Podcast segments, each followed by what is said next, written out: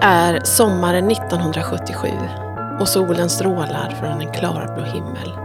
Precis som, som den gjorde alla mina barndomssomrar. I alla fall som jag minns det. Jag är sju år och har fått mitt allra första riktiga sommarlov. Jag har precis gått ut första klass i den ljusgula lilla träskolan i Timmele utanför Ulricehamn. Vi har sjungit En blomstertid nu kommer i Timmele kyrka detta hände nämligen på den tiden då man fortfarande fick ha sina skolavslutningar i kyrkan. Åh, vad jag minns den högtidliga känslan när jag klev in genom de tunga dörrarna, dagen till ära pyntade med små björkar, i min nyinköpta avslutningsklänning. Lite vemodigt var det denna första sommaravslutning, för jag var så rädd att jag skulle sakna min fröken Evi. Hon med det korpsvarta håret och den spetsiga näsan. Lite lagom sträng men också väldigt varm och vänlig. Jag håller mina träskor i handen eftersom jag inte vill riskera att skrapa dem medan jag småspringer på den heta asfalten ner mot badviken på Södra Näs.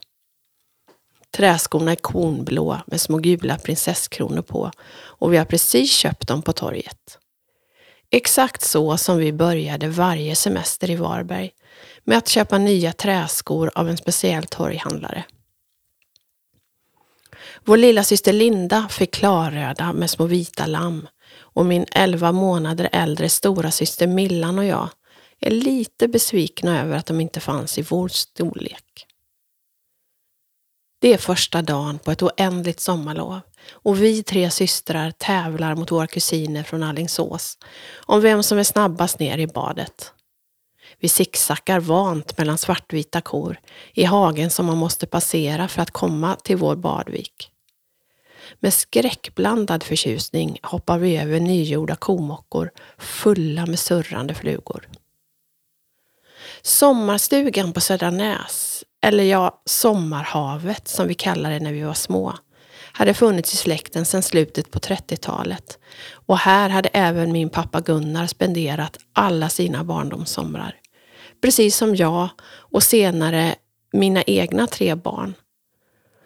Ända fram tills stugan såldes för några år sedan. Men då hade även våra barn hunnit bli vuxna. Än idag kan jag framkalla den där trygga, välbekanta doften av instängd sommar som slog emot en när man för första gången på säsongen öppnade den blåmålade dörren. Nyckelknippan hade man först plockat fram ur den gröna plåtkannan som alltid stod på en hylla i fiskeboden där nycklarna låg invirade i en rosa handduk. Eller var den brun? Det gjorde att vem som helst av pappa och hans tre syskon som bodde på olika platser i landet kunde komma in i sommarstugan när som helst. Praktiskt, men inte särskilt säkert. När man tänker så här i efterhand. Senare bodde vi, familjen Henriksson, i Veddige, bara två mil från Varberg. Så då kunde vi åka till vår älskade sommarhav varenda helg, från tidig vår till sent på hösten. Under mina tidiga barndomsår så var sommarstugan målad i en ljusrosa färg med dörrar, knutar och fönsterfoder i blått. Farmor Emmy älskade den färgkombon och det var ju hon som styrde på Mössviksvägen 1. Vårt stora rosa enplanshus med enorma prunkande blomsterlådor under varje fönster. Fattas bara annat med en trädgårdsmästare som ägare.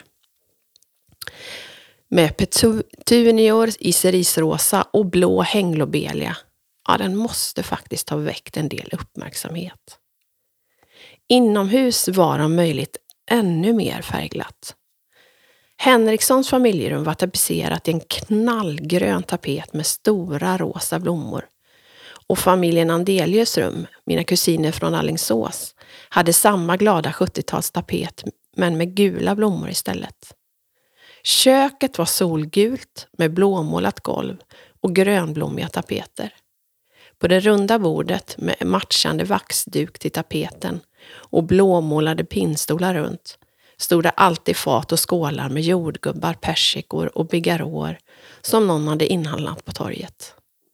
Det allra bästa var när faster Kerstin kom hem efter sin lördagstur in till torget i Varberg.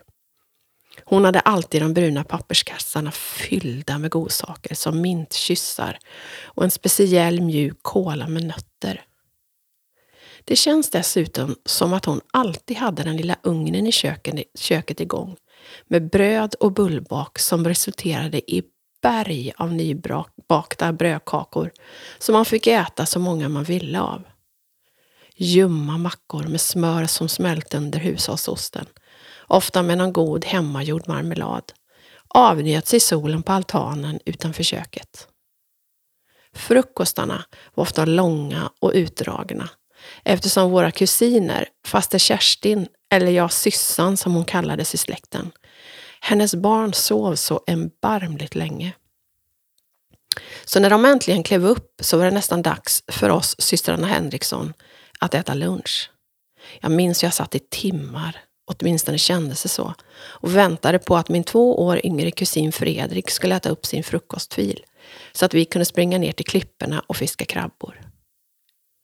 Farfar Torsten hade tagit med sig stora svarta hinkar från Henrikssons snittblomsodling hemma i Ulricehamn. Stora nog att rymma många, många krabbor.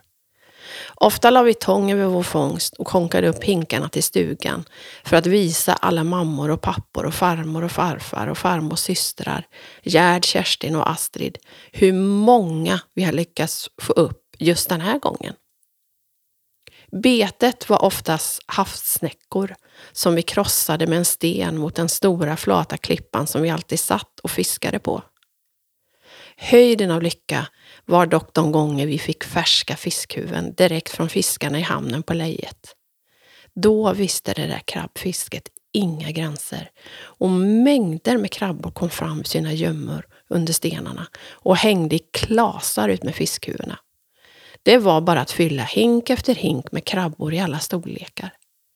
Ofta tävlade vi om vem som vågade hålla den största krabban längst i sin hand. Jag vann, nästan alltid.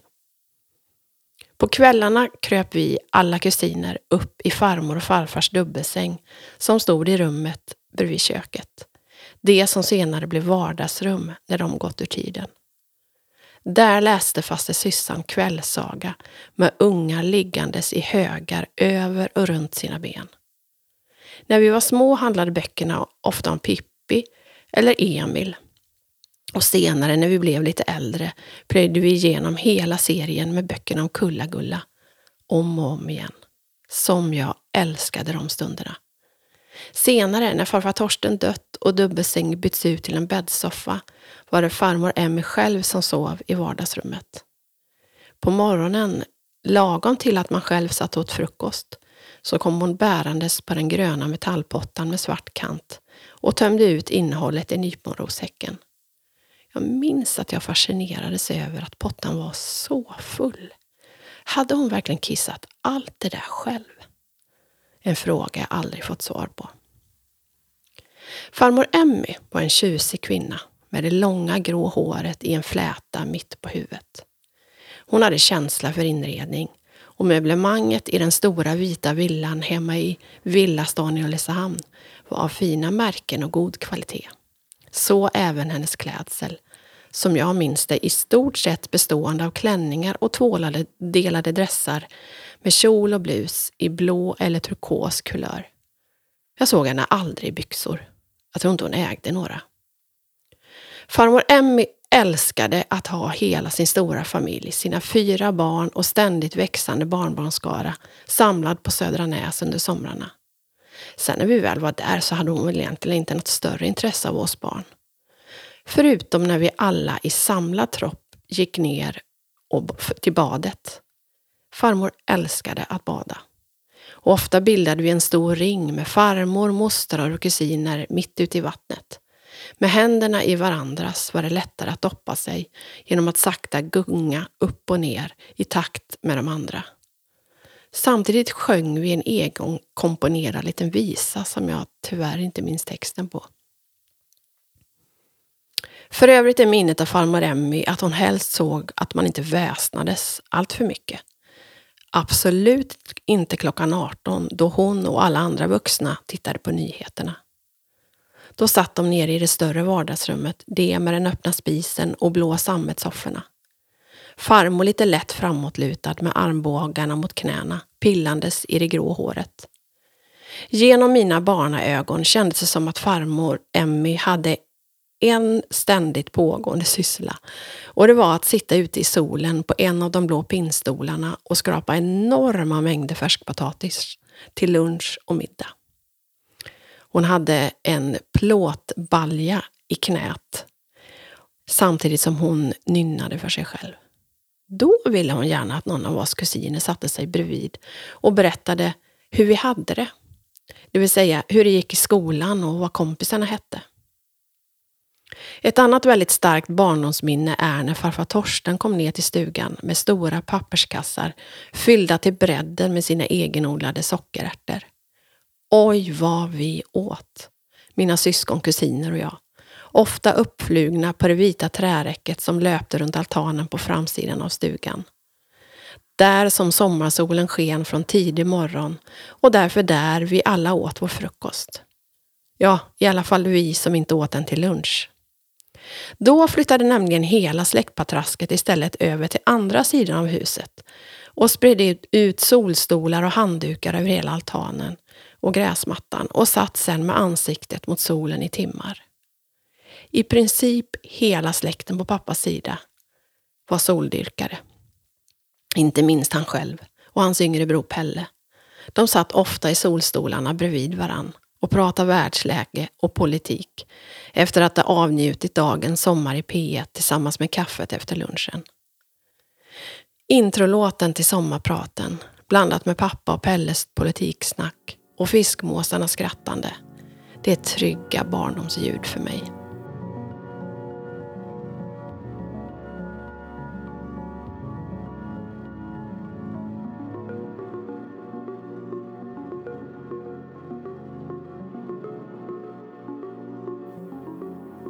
Vi träffade farmor och farfar ganska mycket under uppväxten eftersom vi bodde i samma lilla stad. Ulricehamn som klättrar så vackert uppåt från kanten av sjön Åsunden. På vintrarna körde pappa ut på den frusna sjön och sladdade runt med oss ungar tjutandes av skräckblandad förtjusning i baksätet.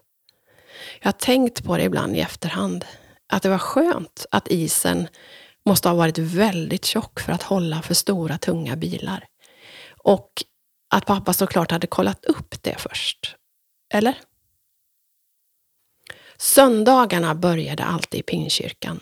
Nere i källaren höll vi barn till i söndagsskolan. Tant Elisabeth berättade om David i lejongropen och Noas ark genom att sätta upp flanellografbilder på en stor väggduk. Med bakgrunder som väggen på templet, ett hav eller en djungel. Ibland var rekvisitan ett stort kar, som en stor sandlåda på ben fylld med sand, där vi barn fick hjälpa till att flytta runt gubbarna medan någon vuxen läste ur barnens bibel. Efteråt sjöng vi och stoppade enkronor till ett svart litet barn som nickandes tackande för gåvan sittandes på locket till den fyrkantiga bössan. Helt bisarrt när jag tänker på det så här i efterhand. Efter avslutad samling fick vi alldeles för stark apelsinsaft och Mariekex runt ett stort bord med vaxduk. Jag minns åren i söndagsskolan med sån värme. Söndagsskollärarna ja, de blev på något sätt som de första idolerna. Engagerade eldsjälar som såg varenda en av oss ungar och som lärde oss att man alltid kan prata med den där Jesus. Man behövde inte ens prata med honom högt. Han hörde vad man ville ändå. Ja, även om man bara tänkte det tyst inom sig. Det var den där Jesus. Uttrycket kommer förresten från en liten pojke jag mötte när jag själv började ha söndagsskoleklasser några år senare. Han undrar vid ett tillfälle, vart bor han den där Jesus? För mig har han, den där Jesus, fortsatt att vara min inre trygghet. Långt efter att jag hörde om honom första gången på söndagsskolan i en mörk källare i Ulricehamn.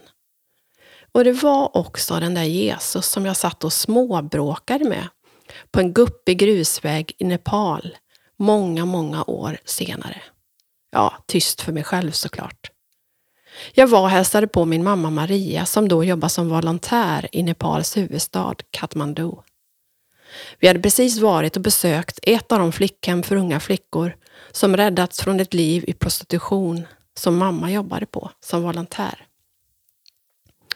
Strax innan jag, väldigt ynklig och nervös, ensam tog flyget från Stockholm till Kathmandu hade jag skickat iväg ett viktigt mejl till chefen för en hjälporganisation som heter Läkarmissionen. Där hade jag i princip, princip bett dem anställa mig för att få ordning på deras second hand-verksamhet. Ja, som jag inte ens hade en aning om behövde styras upp. Men i alla fall kunde den ju byggas ut med fler butiker, tänkte jag. Jag hade varit på intervju på huvudkontoret i Vällingby och nu väntar jag på besked från chefen Johan. Ja, i ärlighetens namn så hade jag väntat väldigt länge. Kändes det i alla fall så. Nu satt jag i en skruttig bil på väg hem till mammas lägenhet i Katmandu, skumpandes på något som egentligen inte går att kalla för väg. Innan mig pågick en högljudd konversation där jag frågade den där Jesus om jag så missförstått hans svar på mina böner om att få jobba på Läkarmissionen så totalt. När vi kommer fram till mammas lilla lägenhet, förvånansvärt nog med livhanken i behåll, så har elen plötsligt kommit tillbaka. I Nepal kunde det gå flera dagar utan att den fungerade. Så jag smällde snabbt upp min dator och kastade mig in på mejlen och där, där fanns ett svar från Johan på Läkarmissionen. Det visar sig att han har svarat exakt under samma tidpunkt som jag suttit och skällt ut den där Jesus högljutt inombords för att jag inte fick något svar. Nu fick jag minsann veta att man bestämt sig för att skapa en tjänst som skulle passa mig och att jag var välkommen att börja när jag kom hem från Nepal. Resan till Nepal för att besöka mamma fick jag Mackan i julklapp. Jag blev såklart superglad.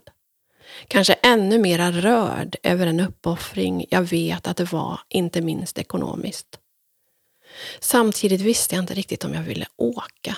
Jag var så rädd för vad jag skulle möta. Mamma hade berättat om Badi-folket.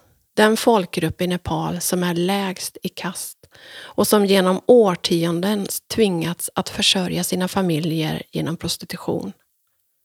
Det är inte ovanligt att föräldrar bedriver sexhandel där de säljer sina minderåriga döttrar hemma i sina egna hem. Mamma åkte ner för att jobba som volontär på ett av de sex flickhem som bedrivs bland annat genom medel från en svensk organisation som heter Love Nepal. Hela syftet med den här fantastiska verksamheten är att rädda unga flickor från ett destruktivt liv i prostitution. En del räddas handgripligen från hallickar och bordeller. Andra räddas från hembyn innan de hinner uppleva de här obegripliga och fruktansvärda upplevelserna. Så jag var helt enkelt orolig över vad jag skulle möta och om jag skulle orka höra på flickornas berättelser. Dessutom hade jag aldrig rest så långt själv. Redan på flygplatsen i London blev jag varse att Kathmandu, det var långt bort och hörde inte till de vanligaste destinationerna direkt.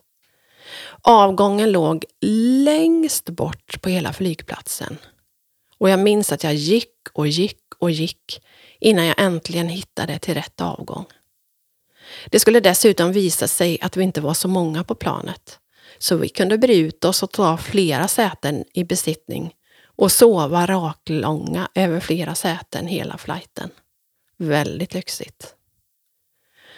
Jag minns än idag den speciella känslan när vi flög in över bergen kring Kathmandu som ligger vid foten av Mount Everest. Så makalöst vackert. Grönt och lummigt med de snötäckta bergstopparna som en kuliss i bakgrunden. Flygplatsen i Kathmandu är pytteliten och svämmar över av backpackers som är där för att bestiga berg. Direkt när jag klev ut på den röda dammiga jordplätten som skulle föreställa parkering så förstod jag att jag hade kommit till ett väldigt fattigt land. Ett av de fattigaste i världen, åtminstone då för vad det nu är, 15 år sedan. Redan dagen efter att jag landat så åkte vi ut till ett av flickhemmen. Mamma var så ivrig att jag skulle få möta hennes älskade tjejer. Och det blev ett möte jag aldrig ska glömma. Så fort vi klev ut framför de stora det stora betonghuset kom flickor i olika åldrar springandes och ropade mamma, mamma och kastade sig om halsen på mamma. Och i samma stund som jag såg in i deras varma, glada ögon så var min rädsla som bortblåst. Och jag insåg att jag inte bara mötte flickor som räddats ur en fruktansvärd misär med övergrepp och våld, utan samtidigt flickor som faktiskt hade fått ett nytt liv. Långt bort ifrån den traumatiska vardag de haft till ett liv med trygga, pålitliga vuxna omkring sig.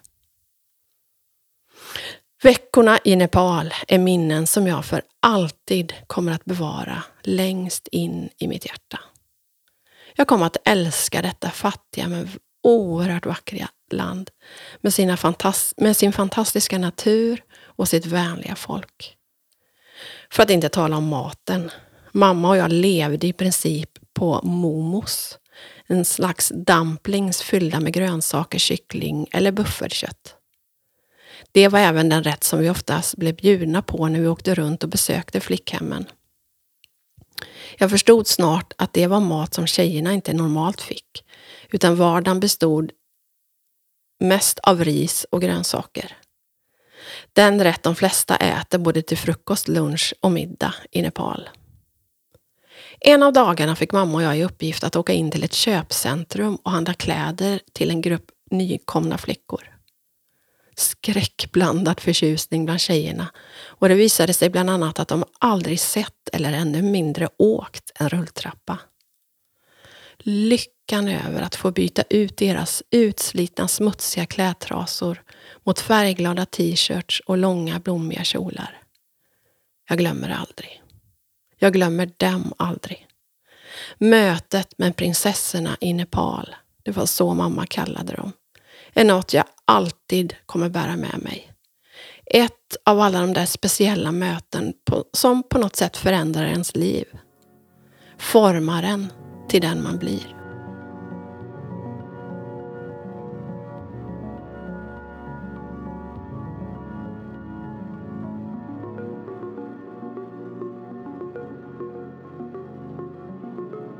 Ett annat livs Definierande möte hade jag många år tidigare, i början på 90-talet.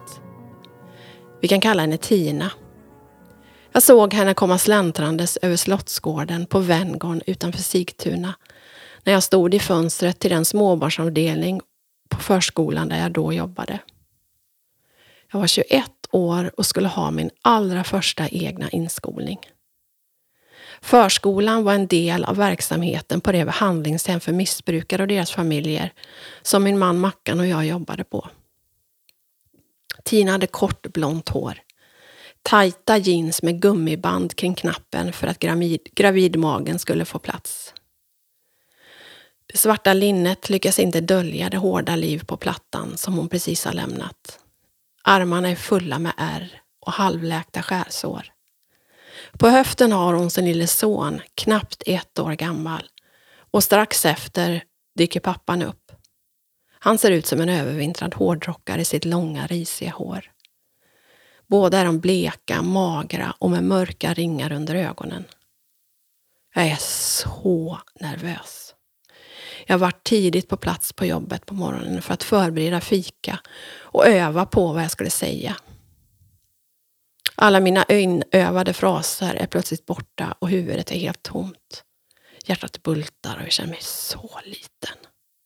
Känslan förstärks när den lilla familjen kliver in i hallen. Jaha, är det du som ska vara fröken till J? säger Tina utan att hälsa. Förvånat tar hon en kort paus i tuggummituggandet. Ehm, ja, jag är en i personalgruppen här på Smulan. Varför ska alla föräldrar envisas med att kalla en för fröken? Hinner jag tänka. Och jag ska ha lite extra ansvar för er lille J.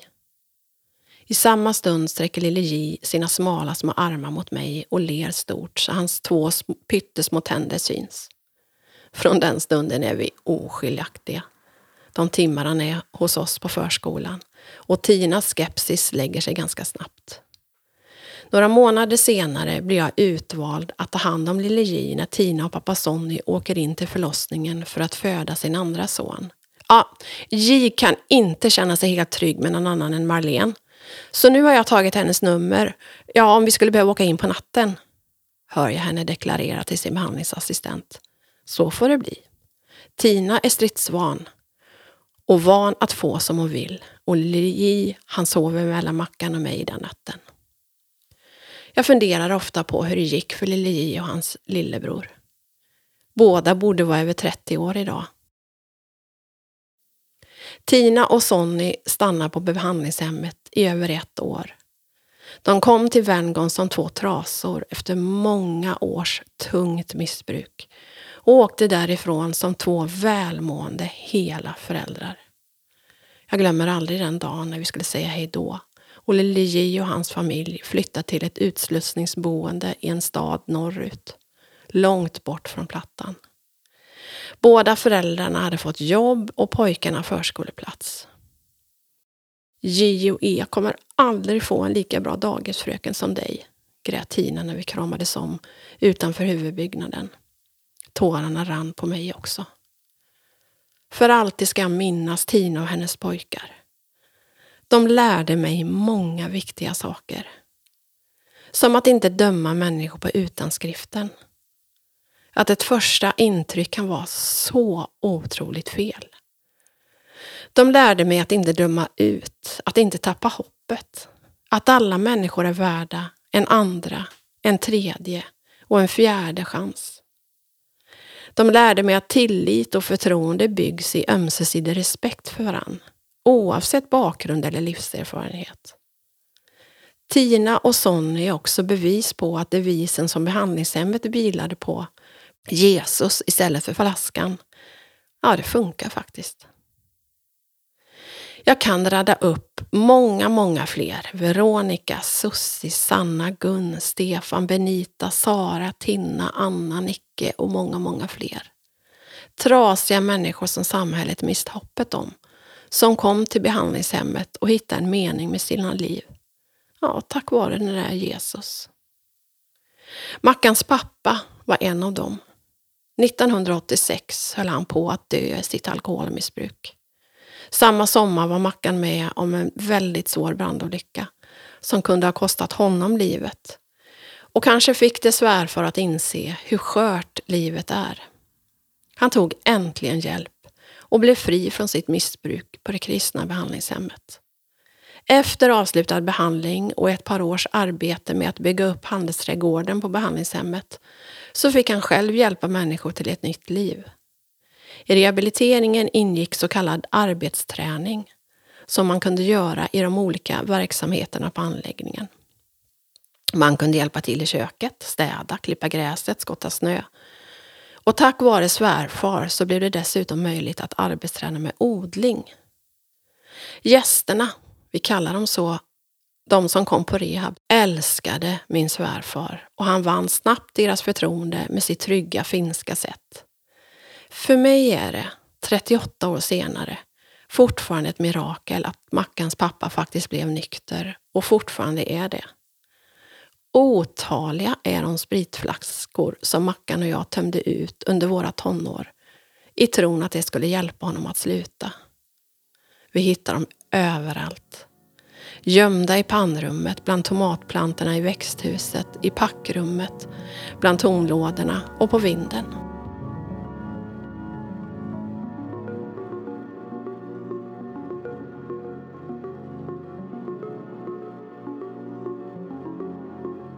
Min uppväxt är till väldigt stor del präglad av frikyrkan. Eller ja, inte kyrkan som byggnad, men av människorna där. Och tidigt fick jag dessutom lära mig just det att kyrkan är människor, inte en byggnad. Och vilka människor jag fått äran att möta genom åren. Jag minns till exempel gamle Erik i kapellet i Veddige utanför Varberg.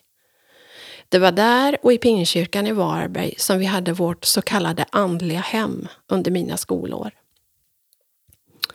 Farbror Erik hade de största händer jag någonsin skådat. Silvervitt hår som han kammade bakåt och en rejäl mage. Han andades väldigt tungt och ljudligt på grund av stenlungan han dragit på sig genom sina många långa år som murare. Farbror Erik sa inte så mycket. Han höll sig helst i bakgrunden och överlät pratandet till sin fru tant Svea. Hon däremot hade sannerligen talets gåva. Orden kom snabbt, lätt och ofta. Tant Svea var någon slags egenutnämnd Queen of the Kitchen. Och Gud nåde den som inte satte kaffekopparna i rätt skåp. Eller som lämnade gula saftfläckar på diskbänken i kapellet. Farbror Erik skrockade mest över hennes utbrott medan han lät småungarna hänga och dingla i, sitt långa, i sin långa vita lugg. Ja, för det var nämligen en av hans specialiteter. Han lutade sig fram på sin stol, fällde ner den långa vita luggen ja, och sen fick frikyrkoungarna turas om att grabba tag och hänga sig i luggen. Tant Ingrid var en annan minnesvärd och älskad kyrkmänniska. Hon bodde i ett pyttelitet hus, bara några steg ifrån kapellet.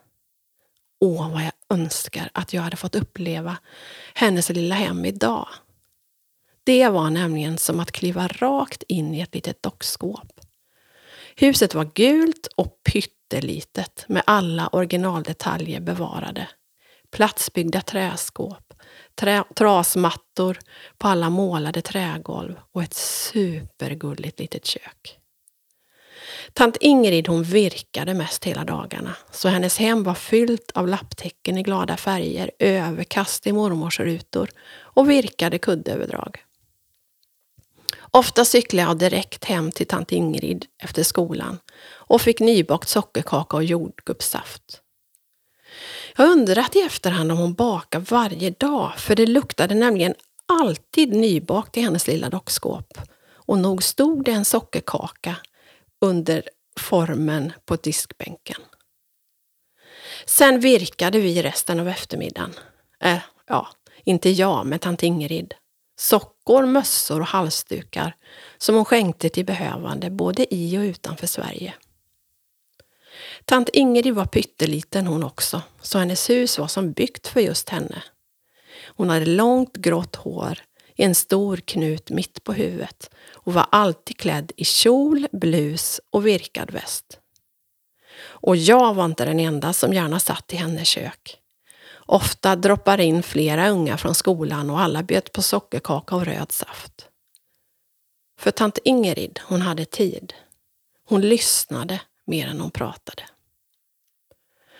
Jag skulle kunna räkna upp hundratals, kanske tusentals lika fantastiska människor som farbror Erik och tant Ingrid som jag mött tack vare frikyrkan genom åren. Oavsett vart vi bott och vilken kyrklig kontext vi gått till så har det alltid varit som ett andra hem för mig. Där har det funnits vuxna som har haft tid att lyssna. Först på mig som liten i söndagsskolan Sen på tonårsproblemen när de dök upp och man inte ville prata med mamma och pappa. Och senare gav de hjärtliga råd till mig som småbarnsmamma. Kyrkan är ganska unik på det sättet att man möts naturligt över generationer. Har man inte en mormor eller morfar så finns det alltid en äldre som ger en varm famn eller ett mjukt knä. I kyrkan har jag lärt mig alla människors lika värde att det inte är det vi gör, utan de vi är, som ger oss vårt verkliga människovärde. I kyrkan har jag lärt mig att bry mig om andra. Att det är bättre att ge än att få. Genom åren har jag varit med och serverat soppa till hemlösa, packat matkassa till fattiga familjer, delat ut påskägg och julklappar i områden där föräldrarna själva inte haft råd. Vi har delat ut kaffe och smörgåsar till tjejerna på Malmskillnadsgatan och klädpaket till flyktingar från Ukraina. Allt bekostat av kyrkfolket själva. Osjälviska, genuina, helt vanliga människor. Och det är just människorna som har gjort kyrkan till den där trygga och självklara platsen för mig. Och det är såklart också de människorna som har skapat problemen. Hade inte kyrkan bestått av en hoper just människor så hade det varit väldigt enkelt. Men det är just vad vi är. Människor. Vanliga. Med fel och brister. Och som i de flesta kontexter där människor samlas i grupper fler än två så skapas hierarkier. Människor får makt och inflytande. I vissa fall mer än vad som är sunt. Det har skapats ouppnåeliga ideal att leva efter och en dömande attityd mot dem som inte lyckas. Det har lärt mig att inte bygga min tillit och tro till människorna, utan till just den där Jesus. För människor misslyckas. Jag misslyckas.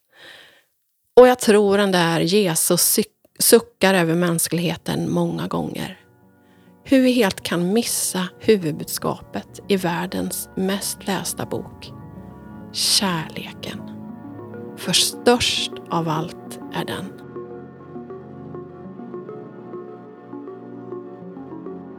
Vi sitter ett gäng kvinnor i olika åldrar och äter middag. Många av oss träffas för allra första gången den här speciella kvällen. Vi är på några dagars workshop där målet bland annat är att vi ska hitta vårt eget personliga uttryck i våra bilder. Vi har kameran och kreativiteten som gemensamma nämnare. Vi trevar lite bland ämnena denna första måltid tillsammans. Så plötsligt hör jag en oväntad fråga skjuta genom luften. Vad skulle Jesus sagt om det där Marlene? Det blev knäpptyst. Okej, okay, here we go, hinner jag tänka. Va? Är du kristen? Hör jag någon undra förvånat. Det hade jag aldrig trott, säger någon annan. Därmed var min uttänkta strategi att låta människor lära känna mig innan jag eventuellt berättar om min tro grusad.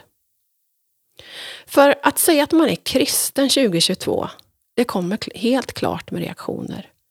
Inte sällan med en hel rad fördomar.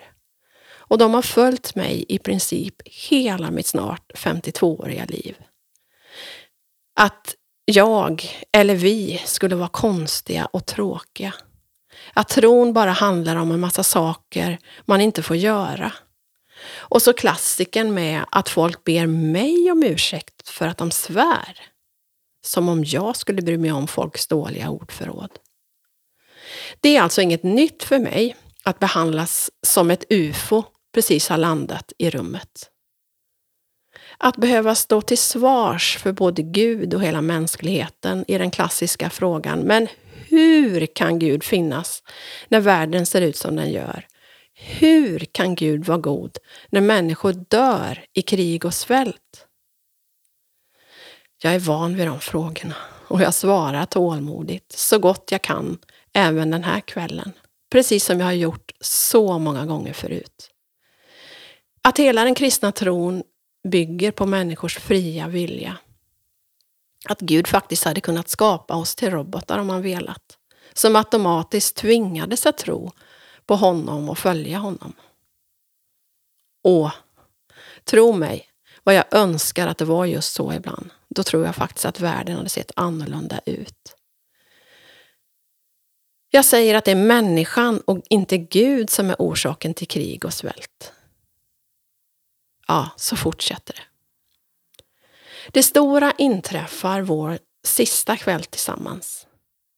Någon föreslår att vi ska gå laget runt och skåla för saker som vi är tacksamma för från de senaste tre dagarna vi haft tillsammans. En av tjejerna reser sig blixtsnabbt hon lyfter sitt glas mot taket och säger Då vill jag börja. Och jag vill skåla för dig Marlene. För du har knäckt en av mina stora fördomar om kristna. Så berättar hon hur de direkt dök upp, fördomarna, där runt bordet vid vår första middag. Jag vill be dig om förlåtelse Marlene. För att jag hade förutfattade meningar om hur du skulle vara. Du har raderat dem allihop genom de här dagarna. För att du är den du är. Ja, det är nästan så att jag också ville känna, lära känna den där Jesus. Tårarna stiger i mina ögon och jag blir alldeles varm inombords. Och lite paff. Under mina snart 52 år har jag aldrig varit med om att någon har bett om ursäkt för sina fördomar om mig. Så fint. Tänk om vi redan som barn, både via hemmet och skolan, fick lära oss mer respekt för varandra. Att det är okej okay att vara olika. Att det rent av faktiskt är förutsättningarna för hela mänskligheten. Att vi är olika och kan komplettera varandra. Att olika är det som gör mötet med andra människor intressant och spännande. Vi måste inte tycka lika, vi måste inte tro lika. Olika behöver inte per automatik innebära att någon har rätt och någon har fel. Tänk om vi kunde lära oss att vi egentligen har mer gemensamt som människor än vad vi tror. Jag tänker att första steget kan vara att faktiskt inse sina egna fördomar. För vi är kanske inte så fördomsfria som vi tror. I ärlighetens namn så hade jag själv mina om den där blonda coola tjejen på workshopen som just hade skålat för mig och hennes lika blonda och coola vän. Typiska längst bak i bussen-brudar var min reflektion vid vårt första möte den där helgen. Blekt hår, svart kajal, cigg och jeansjacka. Ja, de coola brudarna i högstadiet som alla killar ville ha. De som satt längst bak i bussen. Själv satt jag förmodligen längst fram och pratade med läraren.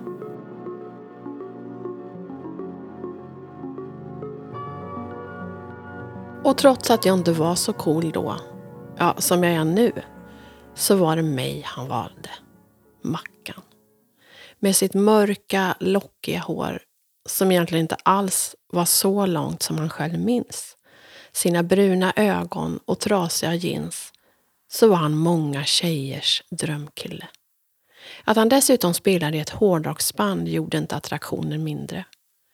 Vi gick på olika skolor i samma kommun och en dag när vi båda gick i nian åkte min klass till hans skola på gympan. Vi skulle låna deras nya simhall. Jag ser honom på långt håll. Den självklara mitten av en klunga med skolans coolaste killar. Detta utspelar sig nämligen under det årtusende då man inte kunde mässa tre minuter innan man anländer till en plats och skriva ”snart där” så han har ingen aning om mitt besök. När jag närmar mig deras cirkel upptäcker han mig plötsligt och vänder sig blixtsnabbt om för att spotta ut sitt snus. För sent. Frikyrkoflickan har redan upptäckt misstaget och går förbi med högburet huvud. Låtsas att hon inte ser honom. Senare på kvällen, under det dagliga, ofta flera timmar långa telefonsamtalet, bedyrar han att det var en engångsgrej. Att han visst har slutat. Jag låtsas att jag tror honom. Men det ska visa sig bli ett älskat och hatat beroende i över 30 år. Alltså snusandet. Mitt endast älskade beroende av honom har pågått i nästan 40 år. Det vill jag faktiskt aldrig ge upp. Snusandet däremot gav han till slut upp för, ja det är väl en fem år sedan. Idag är det långa mörka lockiga håret inte långt och lockigt längre. Det gör inget. Snart 40 år senare, ja, nästa år är det faktiskt 40 år sedan han frågade chans på mig när vi båda var 13 år. Och det är fortfarande han som är den som får mitt hjärta att klappa. Tack för att du har lyssnat ända hit. På mitt alldeles egna sensommarprat. Kanske blir det en del två, för det är mycket mer jag vill berätta. Men i höst hoppas jag även att du vill fortsätta titta in här i min podd 11 kaffe med fru Vintage. Där jag kommer fortsätta samtalen kring kaffebordet. Det kommer att handla om högt och lågt, glädje och sorg, vinster och förluster. Livet helt enkelt. Med alldeles vanliga människor. En del kommer att prata om sin tro, andra om sitt företagande eller helt andra saker. Det viktiga är min tanke om att varje människa bär på en livsberättelse som faktiskt är värd att delas. Berättelser som kan ge oss andra som lyssnar hopp, tröst, skratt eller bara en stund av igenkänning. För oavsett etnicitet, kultur, tro eller inte så är vi så mycket mer lika varandra än vi tror. Vi, helt vanliga, ovanligt underbara